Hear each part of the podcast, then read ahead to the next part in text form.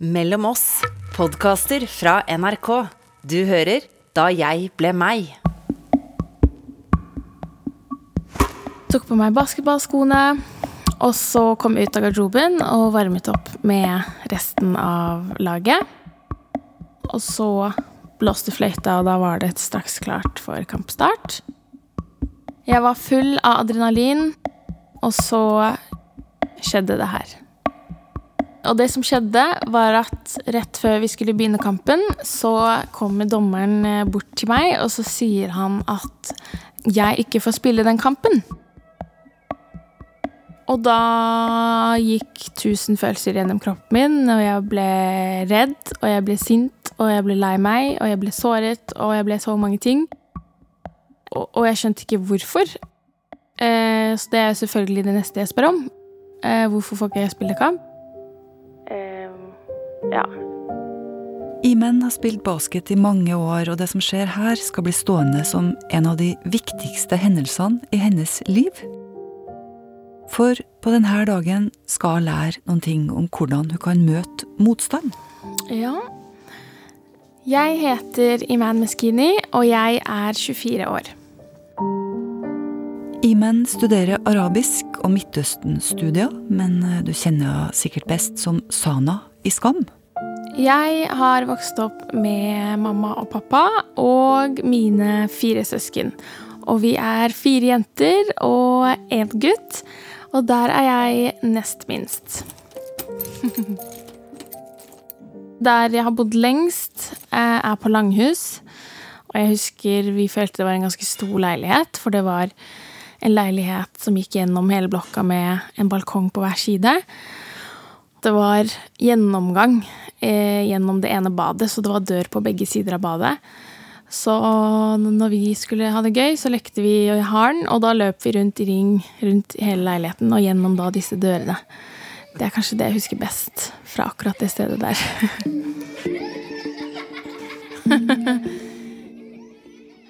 Jeg har flytta mye, så jeg har bodd mange forskjellige steder.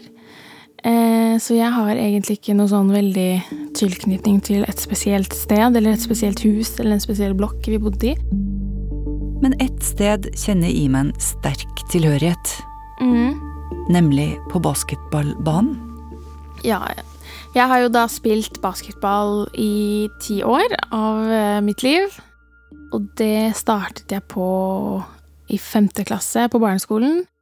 Og falt helt for sporten sånn med en gang. Og der bare på banen så føler jeg meg skikkelig hjemme og eh, har det utrolig gøy. Og det laget vi var eh, Vi var så utrolig sammensveisa, og det var flere av de jeg hadde spilt med fra liksom femte klasse, og vi hadde holdt sammen hele veien. Så selv om, selv om vi ikke alltid vant, eh, som oftest tapte, egentlig, så hadde vi det utrolig bra, og jeg bare syns det var ekstremt morsomt å spille den sporten. Så det var alltid masse spenning. Får alltid masse adrenalin og gleder meg, gleder meg alltid til en basketkamp. um, ja. Og så var det én dag hvor ting eh, forandret seg. 2017, tror jeg det var, kanskje. På sommeren, og det var en dag eh, hvor vi skulle spille kamp. Og jeg spilte da for Kolbotn. Vi sto opp tidlig, dro til hallen. Det var en hjemmekamp, husker jeg. Vi gikk inn i garderoben og skiftet. Eh, jeg tok på meg den blå drakta mi og hijaben min. Putta hijaben oppi drakta, sånn at den ikke skulle være i veien for noen ting. Og så blåste fløyta, og da var det straks klart for kampstart. Så kommer dommeren eh, bort til meg, og så sier han at jeg ikke får spille den kampen. Og, jeg skjønte ikke hvorfor, eh, så det er selvfølgelig det neste jeg spør om. Eh, hvorfor får ikke jeg spille kamp?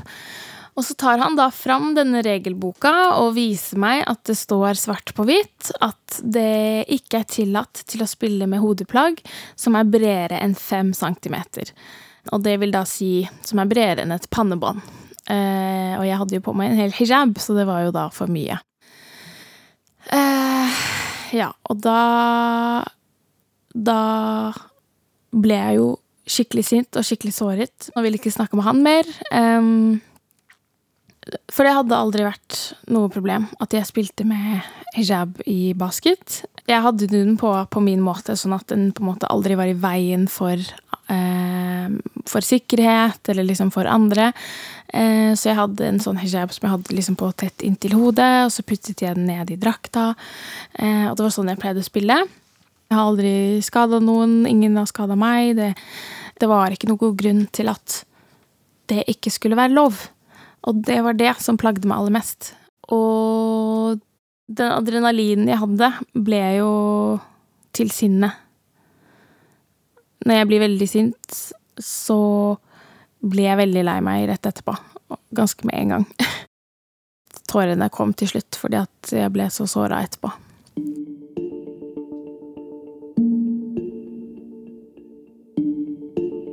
Så da ble det mye styr med hva skal vi gjøre nå, um, og at jeg liksom ikke skulle få spille.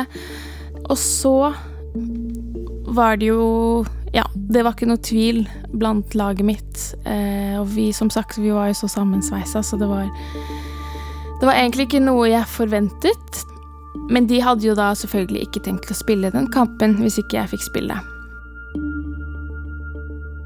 Selvsagt skal ikke vi spille, på en måte, så det var litt sånn det var ikke noe stort uh, opprør sånn Nei, vi nekter. Det var bare sånn Å ja, men da spiller vi ikke den kampen, da.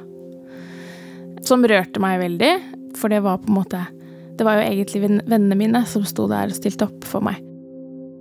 Og da ble det jo et litt vanskeligere problem, fordi den kampen måtte jo spilles.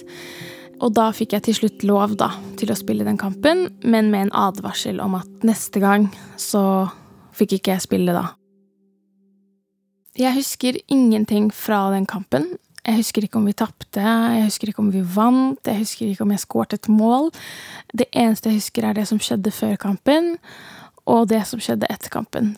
Jeg tror ikke jeg var til stede i hodet akkurat der og da. Og da hadde det begynt å gå inn over meg at jeg kanskje aldri skulle få spille en basketkamp igjen, og det var jo bokstavelig talt halve livet mitt på den tiden. Eh, altså, jeg var på skolen, og så var jeg der, og så var jeg hjemme. Det var liksom de tre stedene.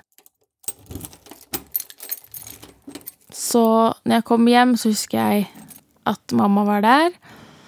Og da husker jeg at jeg gråt, for det var liksom Når du ser mammaen din, og du er lei deg, så kommer tårene. Og hun spurte hva som skjedde, og hva hadde skjedd, og Så da sa mamma um, Eh, selv om noe ikke er lov i dag, så trenger, være, så trenger det ikke å bety at det alltid skal være sånn.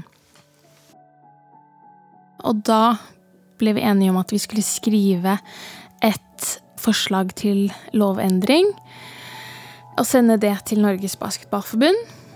Så sendte vi den av gårde. Mens Imen venter på svar fra Basketballforbundet, går hun til hver kamp med stor uro og den der eh, usikkerheten og uvitenheten, den var Den var veldig ekkel. Og at en dommer kunne velge eh, om han eller hun ville stoppe meg i å spille eller ikke, det var et problem for meg. Ja, skal denne dommeren si det til meg eller ikke? Får jeg spille eller ikke? Hver gang jeg skal spille en kamp. Samtidig som hele episoden var på en måte et vendepunkt, så den derre usikkerheten på egentlig aldri vite når det kan oppstå et problem fordi at jeg har på meg hijab, den har liksom dessverre blitt litt eh, med meg videre, da. Altså, jeg, det har jeg Jeg følte at jeg mista den derre eh, naiviteten som, som, man kanskje har som ung, da. Eh, hvor man har liksom veldig sterk tillit til autoriteter og liksom samfunnet, og du tror på de rettighetene du har til det da ikke var sånn. Hvor jeg på en måte møtte ganske hard motstand. En motstand som lærer Imen noen ting om hvordan hun kan prøve å ordne opp.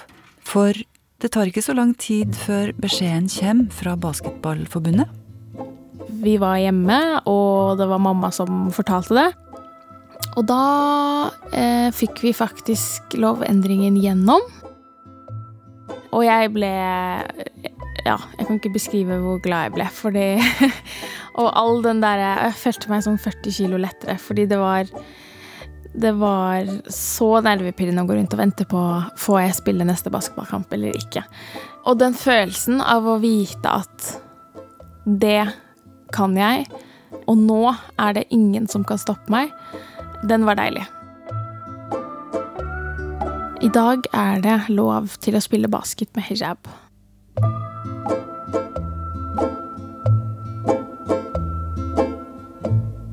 Hvis jeg hadde kommet hjem etter den kampen den dagen, og vi ikke hadde gjort noe mer med det, så eh, Så tror jeg jeg hadde vært eh, Da vet jeg på en måte ikke hvor jeg hadde vært i dag, fordi basket var liksom en så stor del av hverdagen min og stor del av livet mitt, og alle vennene mine var der, og det var liksom um, Så jeg vet ikke om det ville på en måte bare vekket et sånt sinne i meg som ikke er noe sunt å jobbe ut ifra, tror jeg.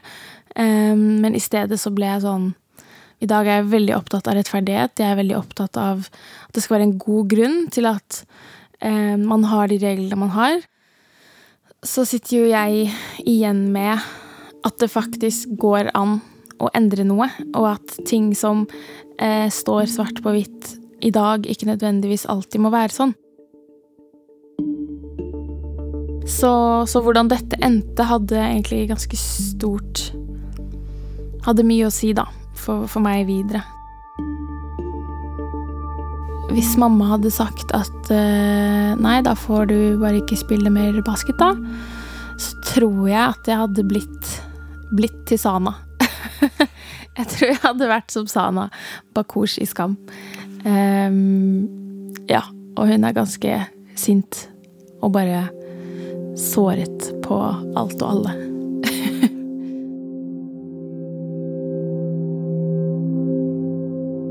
Den podkasten her er laga av Margrethe Nåvik, konsulent Lise Sørensen. Du har hørt en podkast fra NRK. Hør flere podkaster og din NRK-kanal i appen NRK Radio.